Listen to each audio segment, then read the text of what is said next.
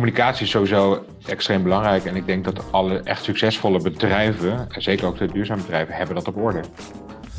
Van harte welkom bij de Communicatiepodcast. Mijn naam is Karine van den Noord en ik maak deze podcast voor iedereen die ervan houdt om meer te leren over hoe je jezelf kan uitdrukken, hoe je verbinding kan maken, hoe je meer impact kan maken voor jezelf als persoon, maar ook als organisatie. En elke maand heb ik een inspirerende gast die ons daar meer over leert. En daarnaast ontstaat er ook een hele mooie community om de communicatiepodcast heen. Van mensen die de nieuwsbrief maandelijks ontvangen en daar nog meer tips en tools krijgen voor hun communicatie. Hele mooie trainingen kunnen volgen. Nou, als je daar meer over wil weten, ga naar de link die je vindt onder de beschrijving bij deze podcast. Of ga naar decommunicatiepodcast.nl. En uh, ja, we gaan nu naar het interview. Heel veel luisterplezier. Ja, mensen, van harte welkom bij weer een nieuwe aflevering van de Communicatiepodcast. Deze keer met Dennis Mensink. Dennis is oprichter-eigenaar van Mediatic. Dennis, welkom. Wat tof dat je erbij bent. Je hebt een heel mooi uh, content marketing PR-bureau in Amsterdam. En je hebt een boek geschreven. En over dat boek Lief gaan we het nu hebben. Uh, want dat gaat over ondernemers die impact willen maken, succesvol willen ondernemen voor een betere wereld. En ben heel benieuwd om van jou te horen welke ja, vooral communicatielessen heb je, ehm, heb je van hem meegekregen en kan je ook weer met ons delen om ons te inspireren. Mhm. Ehm, maar laten we eerst even naar jou gaan als je dat goed vindt. Um, wil je heel kort nog even voorstellen aan de luisteraar? Ja, nou ja, je zei het al goed. Uh, Dennis Mensink, oprichter van Mediatic, content marketing PR-bureau in Amsterdam. Uh, ik ben voormalig journalist, dus ooit het vak geleerd, zeg ik altijd bij NRC, AD, dat soort titels waar ik voor uh, mocht schrijven. Uh, vrij snel naar bureauzijde gegaan uh, om dat een aantal jaar te doen en dan voor mezelf te beginnen. Uh, dus ik begon met een creatiebureau, maar vrij snel, anderhalf jaar later, ook een PR-tak gestart. Eigenlijk waren dat twee aparte bureaus, die hebben in elkaar geschoven, omdat we vonden dat het een wel in het verlengde lag van het andere. Um, en zodoende. Dus we hebben veel klanten die we bedienen, zowel met inhoudelijke content, van blogs en whitepapers en dat soort dingen. En aan de andere kant zorgen ervoor dat onze klanten in de krant komen. En de krant moet je dan wat breder zien dan letterlijk de papieren krant. Ja, steeds breder, hè? Steeds breder. En dat doen we, en dat doen we het liefst voor uh, vooruitstrevende organisaties, zoals wij dat noemen. Uh, dat zijn vaak duurzame bedrijven, maar ook veel in technologie. Uh, dus in ieder geval bedrijven die denken: oké, okay, het kan anders, het kan beter. met een soort positieve mindset. En ja, daar geloven we in. Mooi, mooi. En je bent een boek gaan schrijven. Hoe kwam je daarbij? Zeker. Nou, dat is eigenlijk het vervolg op, want ik denk dat je inderdaad lief bedoelt. Ja, die bedoelen we nu. Ja, ja het andere boek heb je ook natuurlijk. Uh, ja. Uh, maar we, we zitten hier even voor lief. Ja. ja, maar dat komt wel door het andere boek, dus dat ga ik toch okay. vertellen. Ja. Uh, we hebben in 2018 Lief uitgegeven, of Lef, sorry. En uh, lef als soort van, uh, nou ja, dat heb je heel hard nodig als je een grote succesvolle ondernemer wil worden. Uh, want we interviewden Pieter Zwart van Coolblue en Raymond Klooseman van Rituals en Frits van Eert van Jumbo en alle zeg maar, grote ondernemers die Nederland kent. Het was super gaaf, mooie verhalen. Ehm, maar wat wij een beetje misten was het duurzame aspect. Het kwam af en toe een vleugje tussendoor, maar we dachten, hé, hey, maar dat zou toch wat meer kunnen. zeker als je hè, op zulke posities bent dan zou je eigenlijk wat meer kunnen doen soms uh, voor de wereld. En toen dachten we, gaan, het, uh, we gaan het nog een keer doen. Alleen dan met alleen maar ondernemers die, dat, uh, die eigenlijk om die reden misschien wel gestart zijn met hun bedrijf. Dus dan kom je bij de, de impact-ondernemers uit die wij hebben geïnterviewd. Heel mooi. Een heel een mooi gebonden boek. Een prachtig verhaal. Ook hele mooie foto's. Um, en um, om, om daar gelijk maar even bij te starten, het impact ondernemen. Mhm. Kan je daar een korte definitie van uh, geven? Wat, wat is dat nou precies? Zijn dit vooral mensen die bezig zijn met uh, duurzaamheid uh, of op alle fronten? Ja, kan je zoals wij. context geven? Ja, hele goede. Volgens mij, ik weet, ik weet de officiële definitie of betekenis niet, maar het komt er in ieder geval op neer dat je met je bedrijf het wereld een stukje mooier wil maken op een bepaald gebied. En je kan niet ja. alle, alle 17 SDG's in één keer uh, oppoetsen. Um, maar wat je wel kunt doen is, uh, is ervoor zorgen dat met jouw product uh, nee, dat je anderen inspireert, maar dat je ook daadwerkelijk de markt een stukje verovert met een duurzaam product, wat eigenlijk de minder duurzame variant dan toch wegdrukt. Um, en zo hebben we eigenlijk dit gezien. Dus het zijn allemaal bedrijven die zijn begonnen met een duurzame missie. Wat je, wat je natuurlijk ook wel ziet is dat bedrijven nu verduurzamen, maar die hebben gewoon een normaal product en proberen dat zo duurzaam mogelijk aan de man te brengen. Ja. dus dat is zeg maar duurzame bedrijfsvoering. Maar wij gingen echt voor de, de bedrijven die een duurzaam product in de kern hebben. Ja. Dus dat, en, ja. en dan heb je het over bedrijven als? Dopper, die, hè, met de flesjes, waardoor je minder wegwerpflesjes uh, ja, kijkt. Heel goed, heel goed. Um, Tony's, hele bekende natuurlijk, maar ook een Mud Jeans, die proberen de de textielwereld, die wel heel vervuilend is, aan te pakken door ook uh, circulaire spijkerbroeken en zelfs spijkerbroeken die je kan leasen, waardoor ze nou ja, in ieder geval niet op de grote afvalberg uh, belanden. zeepje, dat zijn duurzame zeepjes die eigenlijk met ja, plantaardig gemaakt worden, dus er komen geen chemicaliën aan te pas en je kleding, kleding wordt nog steeds schoon. Dus het zijn eigenlijk hele. Uh, en zo hadden we de 29, maar ook uh, Mr. Green, dat is een uh, leasemaatschappij van Tesla's. Dus om elektrisch rijden groter te maken. Ehm, nou ja, en zo heel veel van dat soort bedrijven. Allemaal heel uiteenlopend. Sommige zaten meer op het sociale, andere zaten meer echt op, de, op het natuurverhaal of op het energieverhaal. Ehm, maar allemaal, ja, het heeft allemaal te maken met verduurzaming. Ja, dat, dat, dat viel me inderdaad op. En ook over het algemeen ondernemers met een product, een duurzaam product, hè, wat minder de dienstverleners. Klopt dat? Klopt wel. De vraag is natuurlijk inderdaad in hoeverre is een dienst. Hè? Dienst is lucht, zeg maar. Hoe kun je dat verduurzamen? Ja. Dat is, maar dat is wel een goede. Wij lopen, doorlopen nu zelf een, uh, dat heet uh, Scale-up Impact. Dus een scaling-up traject. En dan voor impactpartijen. En, en ik vroeg uh, Pieter van Osten, de oprichter daarvan, mag ik daaraan meedoen? Want wij zijn een bureau, weet je wel.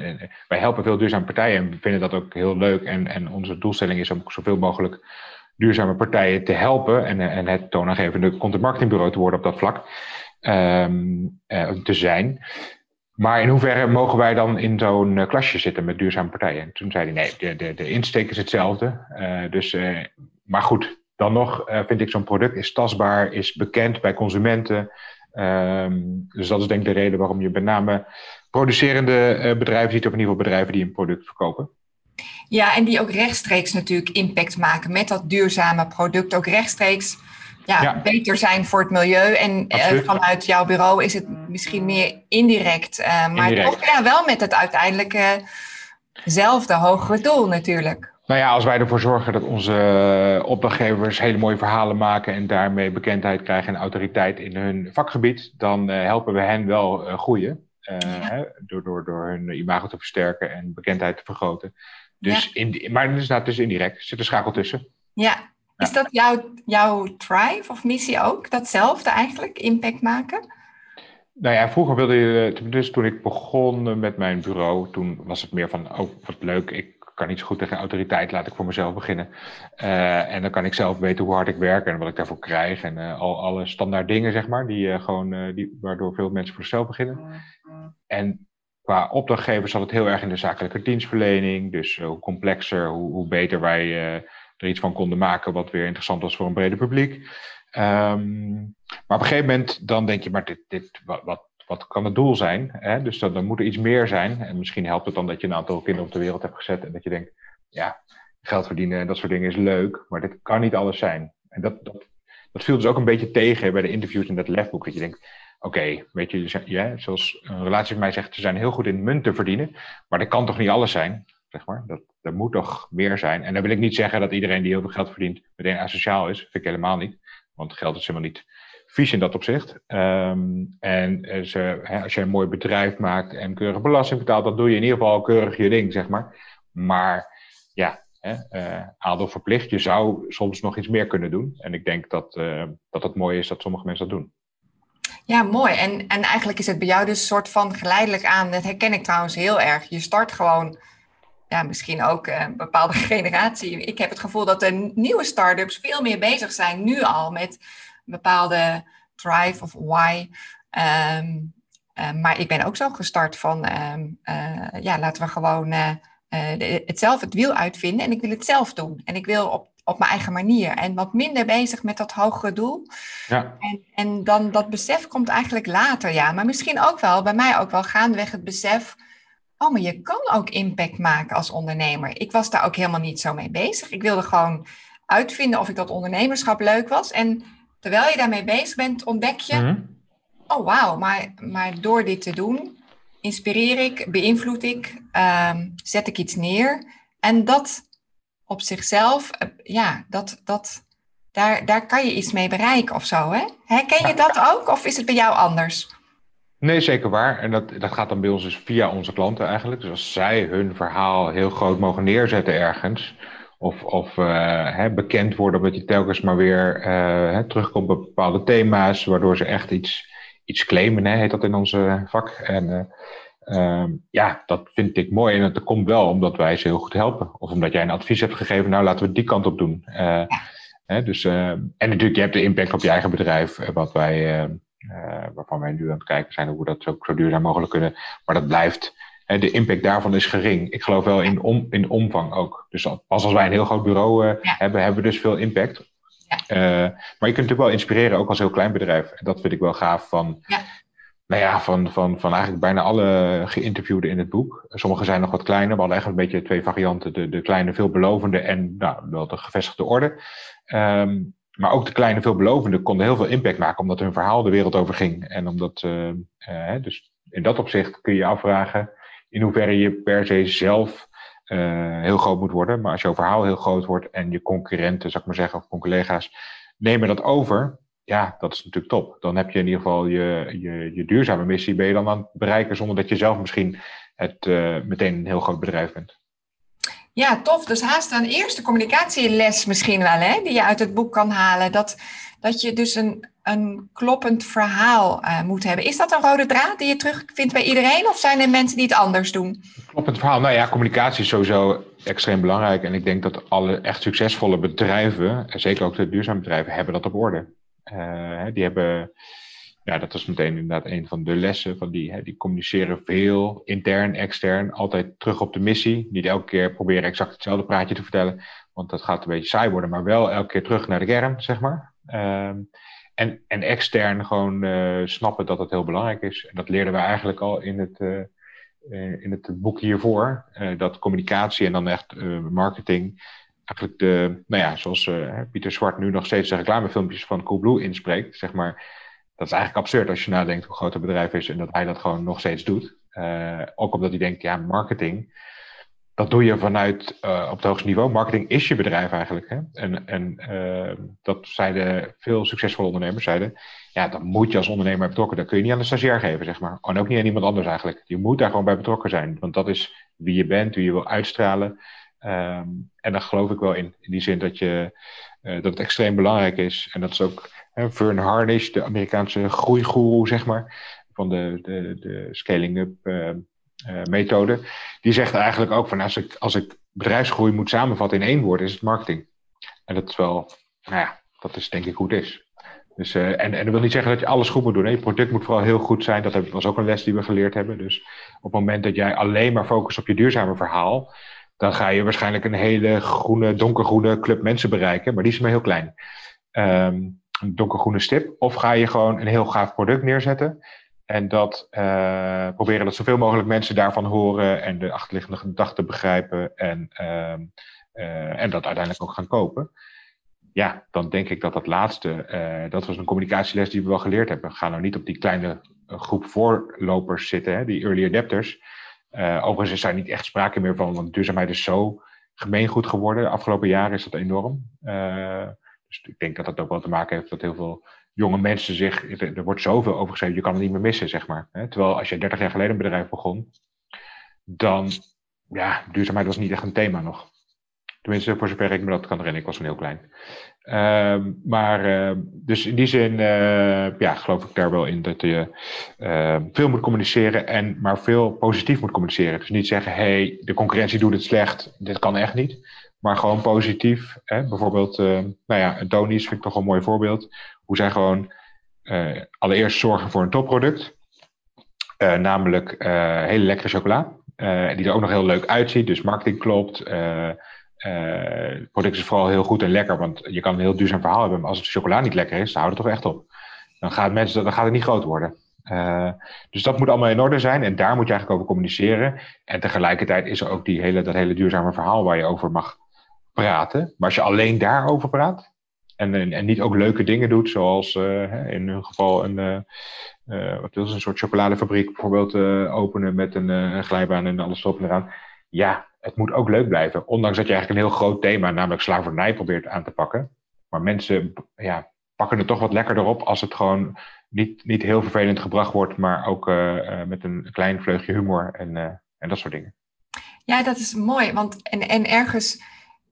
Um, ik heb het idee dat de, de generatie ondernemers of visionairs ervoor, die gingen zitten op die kleinere groep.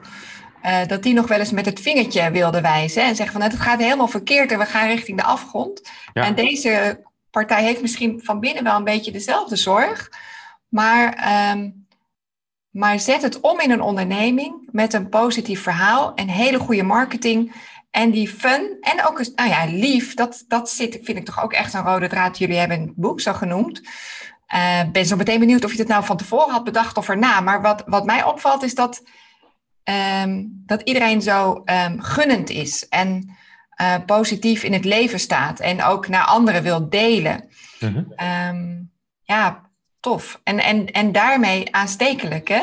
Heel ja. aanstekelijk op andere mensen. Nee, dat ja. is ook uh, absoluut waar. En dat maakt ook wel, ja, dat, dat is natuurlijk ook een verschil van krijg je het voor elkaar om een aanstekelijke cultuur, zeg maar, hè? of een magnetische cultuur waar mensen graag willen werken, waar mensen graag van willen afnemen, zeg maar. Dat je een soort, is toch uiteindelijk een soort viraal gaan en een soort van magie die er op een gegeven moment aanhangt. Dat, je, uh, dat, dat gebeurt als alles klopt, maar ook als er gewoon een soort van fijne cultuur, fijne manier van communicatie, uh, dat soort dingen uh, is, dan ga je natuurlijk echt hard.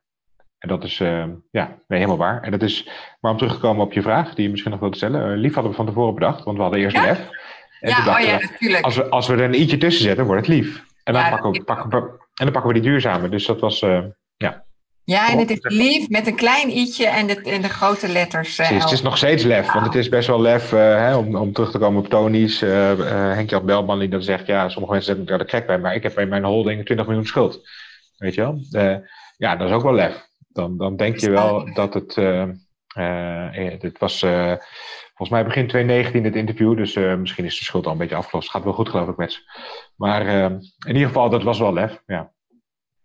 Hey, ik zag in jouw bio in het boek dat jij heel erg van ondernemersverhalen houdt. Mm-hmm. Is er nou, en daarom natuurlijk dit boek, maar is er nou een ondernemersverhaal dat er voor jou uitspringt waarvan je zegt van ja, dat is zo inspirerend, deze ondernemer in dit boek.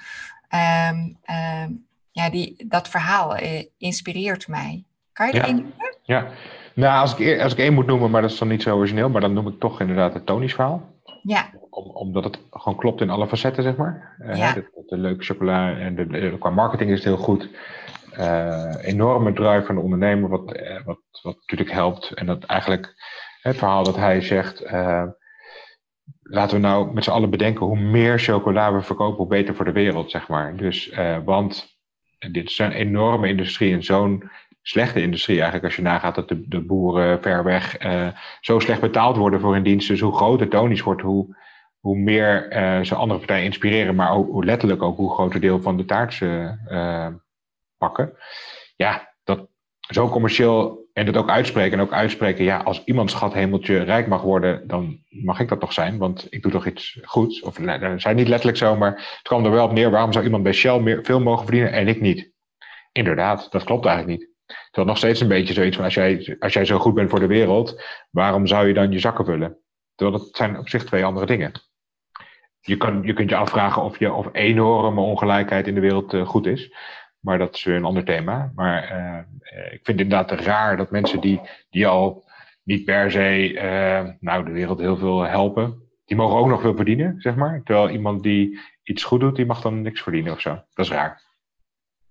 Dus dat, uh, en hij bespreekt al die dingen eigenlijk in het interview. En ik denk dat het verhaal mooi compleet is. Wat ik trouwens ook een inspirerend voorbeeld vond, een stuk kleiner nog, is uh, Kinder heet het. Is volgens mij uit mijn hoofd 2013 opgezet toen ook Tinder opkwam. En je schrijft eigenlijk kinder. Dus dat, dat is een platform eigenlijk waarmee je goede doelen naast elkaar kunt zetten. Dus je kunt ranken van oké, hoe goed zijn ze nou daadwerkelijk, zeg maar. uiteindelijk hebben goede doelen allemaal natuurlijk een soort positief verhaal. Alleen de ene komt je euro bijvoorbeeld veel beter terecht dan bij de ander. En om dat eens onder elkaar te zetten. En, van, en hoe positief zijn ze nou daadwerkelijk? Hoe gaan ze nou met je geld om? En hè, houden ze er leuke feestjes van? Of komt het zoveel mogelijk bij het goede doel terecht? Vond ik wel een inspirerende. Dat ik dacht, ja, dat, en dat is iets waarvan je eigenlijk geen weet hebt als consument. Stel je geeft, nee, je ondersteunt wat goede doelen. Of er komt iemand aan de deur. Of je hebt eigenlijk geen idee. Hoe moet je de godsnaam vergelijken? Hartstichting goed, hersenstichting goed. Allemaal goed. Ja. Uh, maar welke is beter? Dus ik vond het heel gaaf dat, dat, dat hele concept, dat hij dat zo uh, onder elkaar zette. En ook hoe dat, hoe dat ontstaan is. In ieder geval een heel mooi verhaal vond ik dat.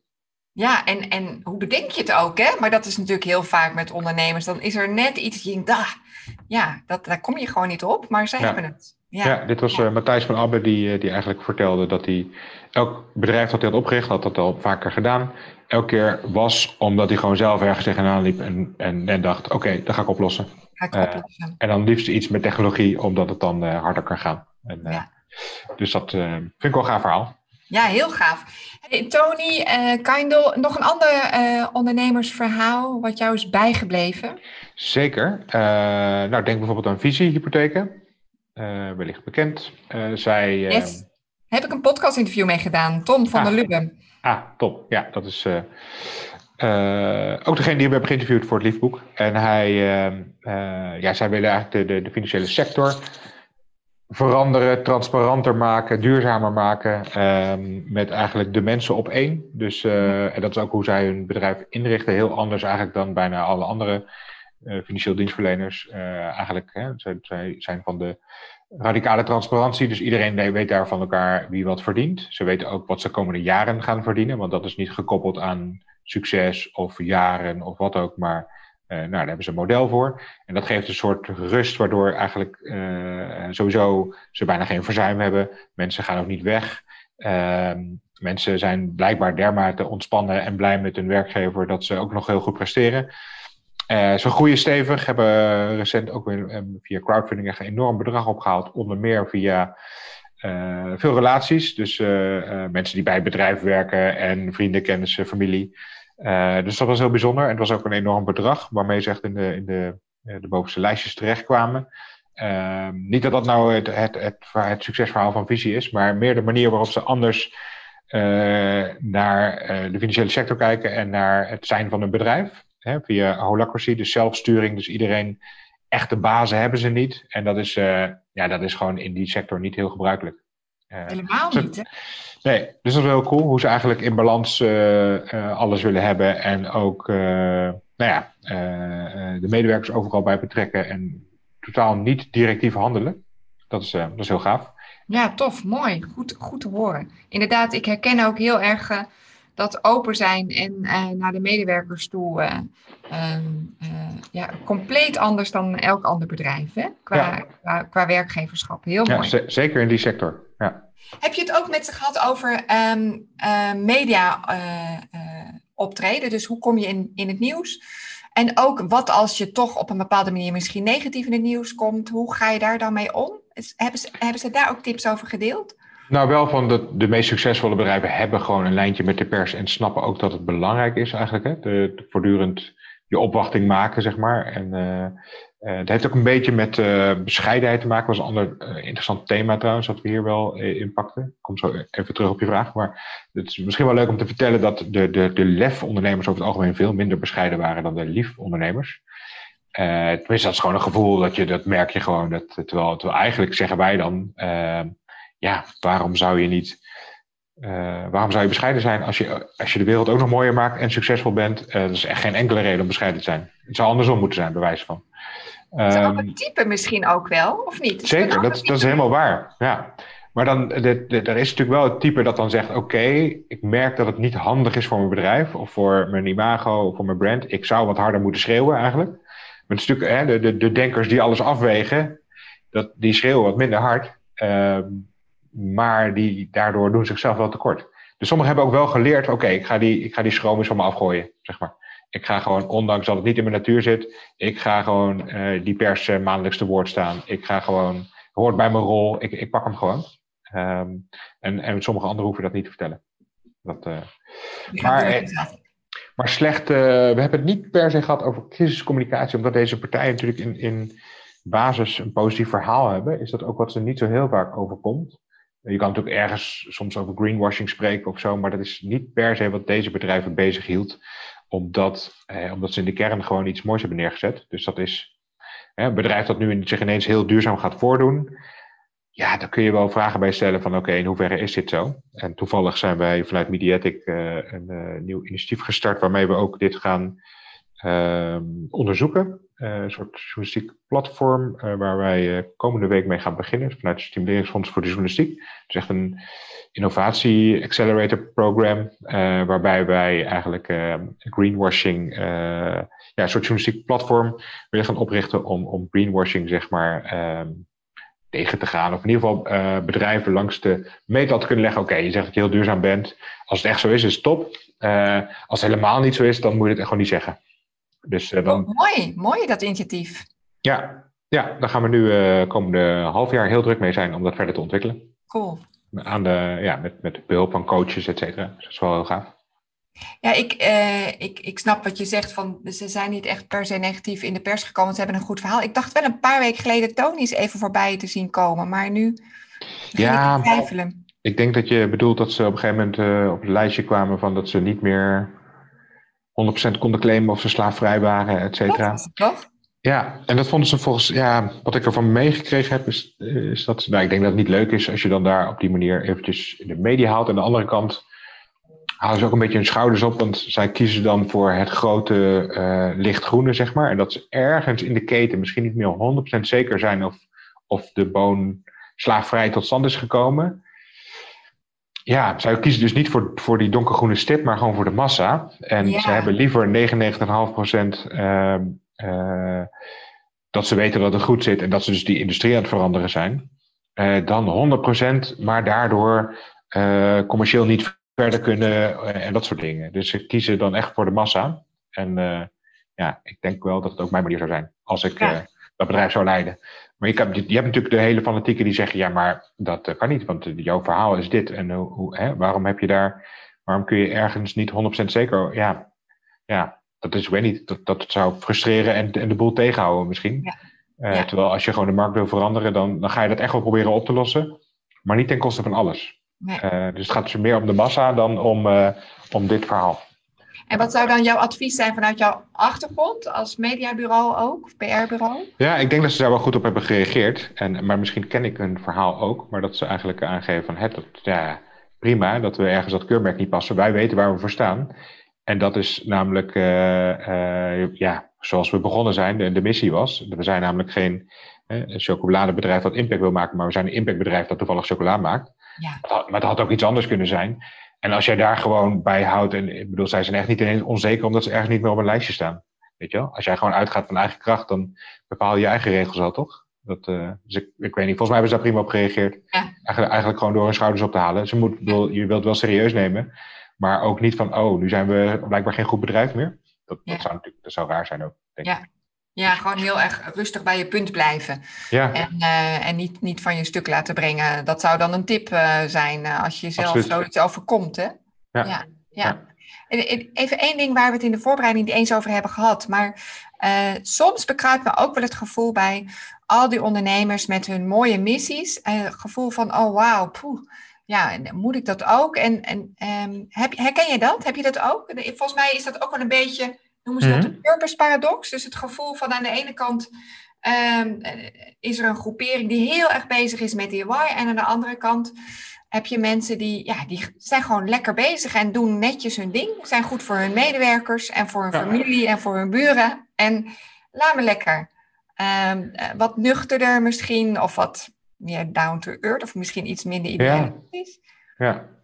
Ja, dat zijn niet per se slechte mensen. Maar uh, het is, uh, ik denk wel van hè, dat, dat uh, noblesse oblige, zeg maar. Als jij in de positie bent om wat meer te doen.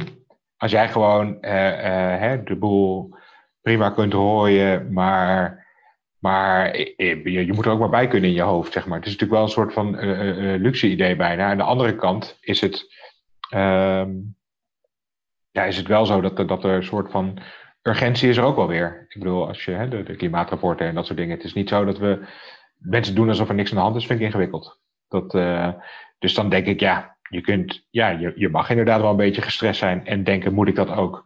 Want een beetje meedenken over de planeet, die van, die van je kinderen en van je kleinkinderen, is niet zo heel gek, toch? Dus uh, ja, een beetje, een beetje daarover stress hebben mag prima. Mag prima, leuk. En die Denk boek maakt eraan bij. ik hoop het. Er zit een hele mooie hoofdstuk in jouw boek, uh, waar ik nog even kort op in wil zoomen. En dat is, uh, hoe kan je nou zelf, hè, stel je hebt stress en je mhm. denkt, oh, ik wil, ik wil toch meer uh, do doen. Of misschien is dat wel een beter uitgangspunt. Je hebt van binnen een, een soort van um, drive dat je zelf echt de impact wil maken met mhm. wat jij kan binnen jouw onderneming. En um, daarmee aan de slag wil gaan. En dan deel je een aantal tips daarover. Zou je die hier eens willen noemen? Want er zitten er een paar hele mooie tussen. Wat, waar, waar, ja, waar moet je dan aan denken of waar moet je mee starten? Om um, zeg maar succesvol impact te ondernemen? Of begrijp ik je vraag? Uh, ja, ja. Ja, we hebben al een paar natuurlijk uh, een beetje langs horen komen. Uh, dat, dat, nou, als het gaat om communicatie bijvoorbeeld, hè, van duidelijk structureel communiceren, zowel in als extern. Hè? Dus als, jij, als je wil dat. Um, wat we eigenlijk zagen is dat, dat de duurzaamheid wel het soort van. Het hogere doel verbond eigenlijk meer dan het werk zelf. Dus wat je net zei van, hè, moet, ik, moet ik ook iets? Hoeft niet. Maar uh, als je een hoger doel hebt met z'n allen, dan verbindt dat wel enorm. En dan gaan mensen echt wel harder van lopen ook nog. Dat, dat merkten wij heel erg toen we bij die bedrijven binnenkwamen ook. Van, een soort, soort energie, en niet alleen bij de ondernemers, maar ook bij de medewerkers. Dat je echt denkt, oké, deze mensen zijn en aan het werken aan het doen. Oké, je moet gewoon werken en geld verdienen. Maar dat is echt niet alleen waar ze voor komen. Uh, zij komen daar ook omdat ze denken, volgens mij zijn we de wereld met z'n allen een beetje beter aan het maken. En dat, dat, dat werkt echt een stuk lekkerder dan dat je gewoon je werk doet. Uh, dus dat, die, die positieve energie, maar die krijg je dus eigenlijk door gewoon een hoger doel te, te pakken, zeg maar. En het hoeft echt niet per se te zijn dat je armoede de wereld uit helpt of uh, het klimaatprobleem oplost. Dat kan natuurlijk ook op, op een ander gebied zijn, maar dat je wel ergens een soort hoger doel hebt van wij zijn er om. Die missie is denk ik wel belangrijk. En dat, die missie kan er niet alleen zijn, wij zijn er om de zakken te vullen, zeg maar. Dat is te weinig. Um, maar, en ook het, het realiseren dat het wel een bedrijf blijft. Dus je mag inderdaad veel geld verdienen. Sterker nog, dat moet eigenlijk, want je moet winst maken die je weer investeert om volgende stappen te kunnen zetten. Uh, bovendien, uh, nou ja, je hebt uh, duurder personeel nodig op een gegeven moment, omdat je een echt bedrijf wordt. En dan heb je een manager nodig en die kost geld. allemaal, en mensen willen doorgroeien. Nou, dit, die willen daar toch ook een keer beloning voor hebben. Dus je moet gewoon bedrijf zijn en, en serieus geld verdienen. en het kan, in sommige gevallen is dat moeilijker, omdat je de duurzame hoek is soms de moeilijke, is de moeilijke kant. Aan de andere kant heb je, de, heb je natuurlijk de maatschappij en de, de ontwikkelingen enorm mee. De wind in de rug als je nu iets duurzaams kiest. Dus het is ja, eigenlijk een, een soort van no-brainer dat je, dat je iets in die hoek doet. En dat is ook wel uh, de wetenschappers die we gesproken hebben voor het soort van theoretische deel, die zeiden ook wel van ja, wij denken eigenlijk dat ieder bedrijf zou toch een duurzaam bedrijf moeten zijn. Want je kunt toch niet een bedrijf oprichten met het idee dat het over een paar jaar of over, over 1, 2 decennia weer klaar is, zeg maar. Dat is toch helemaal geen bedrijf. Een bedrijf begin je eigenlijk is er een soort boom en dat groeit door, dat ontwikkelt zich, zeg maar. Het hoeft allemaal niet knettergroot te worden, maar het moet zich wel blijven ontwikkelen. En niet, we beginnen een bedrijf om alweer op voorhand alweer af te ronden of af te sluiten. En zo zijn heel, familie, heel veel familiebedrijven natuurlijk ook bezig. En, en uh, zeker de, de eeuwenoude familiebedrijven, die zijn vaak al drie keer compleet wat anders gaan doen. Ja. En blijven innoveren om er nog maar te zijn. En om, uh, om voor, hè, voor de, de volgende generaties en uh, nou ja, de, de, de, alle andere mensen die betrokken zijn bij het bedrijf, van klanten tot leveranciers en partners, et cetera. Dus ik vind, uh, dat vind ik wel heel gaaf. We hebben zelf ook ooit het platform Fembiz opgezet voor familiebedrijven, staat voor family business. Um, en dan kom je bij partijen als uh, Auping in Deventer of uh, Van Weijenverf in Zwolle, maar ook een Bavaria of een de biermerken, die allemaal extreem duurzaam zijn en ook extreem familiebedrijf. En ja, is, dat, dat zit daar wel hand in hand, zeg maar. Dat gaat hand in hand, duurzaamheid en ondernemen. En, uh, uh, en dat vind ik wel, uh, dat is wel gaaf. Zo inspirerend hoe zij serieus bedrijf kunnen zijn met serieuze omzetten en winsten, et cetera, maar ook heel duurzaam opereren. En dat zelfs ook een beetje gebruiken voor, ehm, ja, ik geloof niet dat het bij hun greenwashing is, want dit zijn oprecht allemaal zeer duurzame bedrijven. Dat blijkt ook uit alle rapportjes die er zijn en, en, en, en prijzen, et cetera. Um, maar ik denk dat ze het ook wel kunnen gebruiken in hun verhaal. En dat vind ik ook wel mooi. Ik bedoel, waarom zou je niet uh, een extra windje in de rug mogen krijgen omdat je duurzaam opereert. Ik zou het ook lekker gebruiken in je marketing. Dat, ja. Weet je wel? zolang het niet echt, zolang je niet dubieus gaat doen en, en liegen, want dat is, dat is dan weer niet de bedoeling. Maar op het moment dat jij je duurzame verhaal promoot, dus en goed voor je bedrijf en goed voor de wereld, en is helemaal prima. Dus je, je zegt, stel je wilt daar zelf iets mee. Uh, duurzaamheid is, is gewoon echt, echt wel hot, zeg maar. Een markt, mhm. daar kan je gewoon nu uh, goed geld verdienen. Absoluut. En dat mag ook. Uh, als jouw hoge missie goed staat en daar doe je het voor, dan heb je dat geld ook nodig om ja verder uit te breiden en impact te maken. En dat zijn eigenlijk die twee doelen die steeds naast elkaar staan. Hè? Ja, we hebben ook de vraag wel gesteld van groen versus poen. En dan zei iedereen, hoezo? Dat is helemaal geen tegenstelling. Weet ja. je wel? Dat gaat hand in hand bij ons, zeg maar. Ja. Uh, Het feit dat wij uh, groeien maakt dat de wereld een beetje groener wordt. Dus dat gaat helemaal top. Wat ook wel belangrijk is, maar hadden we het al even over, maar dat je product moet wel echt top zijn. Want je bent over het algemeen. Duurzaamheid was vroeger echt heel duur, hè? daarom bereikt het zo weinig mensen ook. En nu is het wel, je ziet dat die, die de tarieven van duurzame producten worden wat normaler, zeg maar. Ehm, en dat is denk ik ook goed, want het moet wel bereikbaar zijn als jij veel mensen wil, uh, veel klanten wil hebben. Dan moet het natuurlijk wel toegankelijk zijn. Uh, dus voor zowel de manier, zowel de, de prijs als de manier waarop je eraan komt. Uh, hè, vroeger was, nou ja, als je duurzame energie wilde thuis, was wel gedoe. En dat was die zonnepanelen en ja, ze waren niet zo fraai en zijn ze misschien nog steeds niet, maar ze waren duur. En eh, je, dan, dan, ga je gewoon niet de massa trekken. Op het moment dat uh, zonnepanelen, ik zeg maar wat, uh, in de vorm van dakpannen ontstaan, dan wordt het al interessanter, zeg maar. En het, wordt ook, het is ook een minder grote klus om ze erop te leggen. En, en, de, en de prijs gaat ook naar beneden. Ja, dan, dan wordt het ineens een leuk product voor de massa. En, ja. dus dat is wel belangrijk, dat, en dat wel het, het product top is. Dus je kan alleen een duurzaam verhaal, ga je gewoon niet groot worden.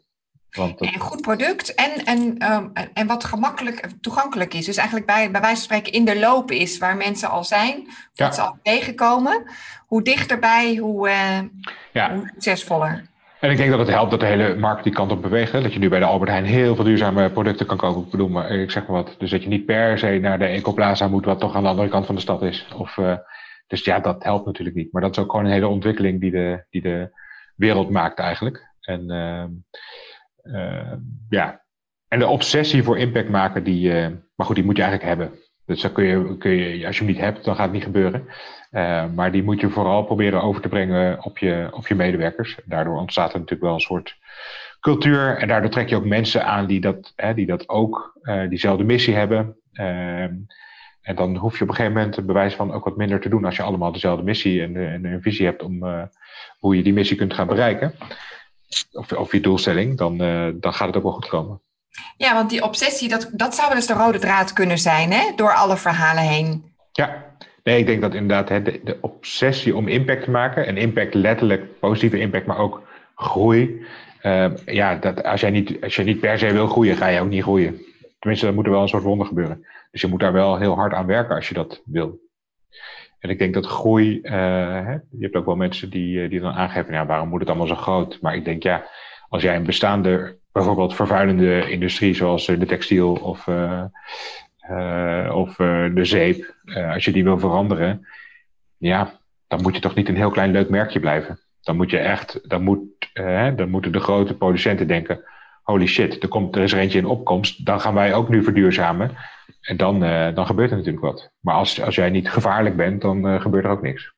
Ja, ja want eh, daarmee is uh, dit boek, is, dit liefboek ziet er heel aantrekkelijk, vriendelijk uit. Mooie verhalen, positief. Mm -hmm. Maar er is natuurlijk aan de andere kant wel behoorlijk ook een strijd gaande dan om die marktpositie te winnen. En puur ondernemerschap in het kwadraat, denk ik, hè? Het is gewoon ondernemerschap, ja. En dat zijn ook, ik bedoel ja, de, de ondernemers denk ik zijn lief, maar echt heus niet te lief. Ik bedoel, het blijft gewoon, het is gewoon uiteindelijk gewoon een strijd natuurlijk. Uh, Of op topsport of hoe je het wel wil noemen. Ja. Um, maar goed, dus lief, uh, lief is, klinkt ook wel heel lieflijk voor de ondernemers in het boek. Maar uh, misschien hebben ze gematst met het woord. Maar ik geloof wel dat het oprecht allemaal mensen zijn die, die daar... Um, ja, die echt wel begonnen zijn om de wereld een stukje mooier te maken.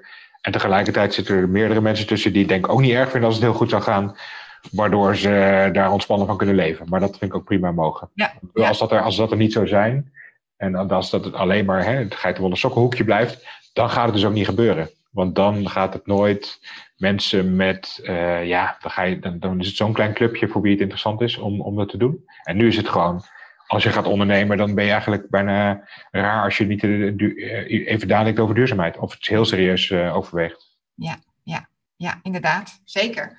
Tof. Dankjewel voor um, jouw uitgebreide toelichting op het boek en alle inspiratie die je deelt. En daarmee eigenlijk gewoon zelf die positieve impact hebt gemaakt. En ik hoor je dus in tussenzinnetjes ook nog platforms noemen en andere zaken die je doet. Dus volgens mij ben jij net zo'n ondernemer die ja, echt, echt bezig is om de wereld uh, beter te maken. Um, als mensen jou willen volgen, dan vindt jouw LinkedIn, hè? Dennis Mensink. Ja, en moet, uh, moet goed komen. Boek in de boekhandel? In de boekhandel, op onze website eigenlijk, op Mediatic is misschien het handigst. Mediatic. Maar het kan ook op uh, allerlei andere kanalen, online en offline, voor de lockdown. In de waarwinkels. In de waarwinkels, ligt die daar? Zeker. Ja, tof, mooi.